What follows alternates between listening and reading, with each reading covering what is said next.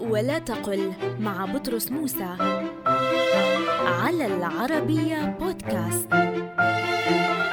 يقال هذا الأمر بديهي أو طبيعي في النسبة إلى البديهة والطبيعة.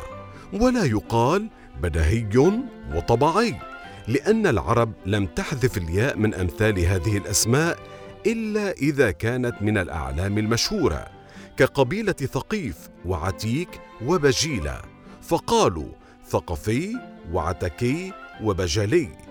إذا قل هذا الأمر بديهي أو طبيعي ولا تقل هذا الأمر بدهي وطبيعي.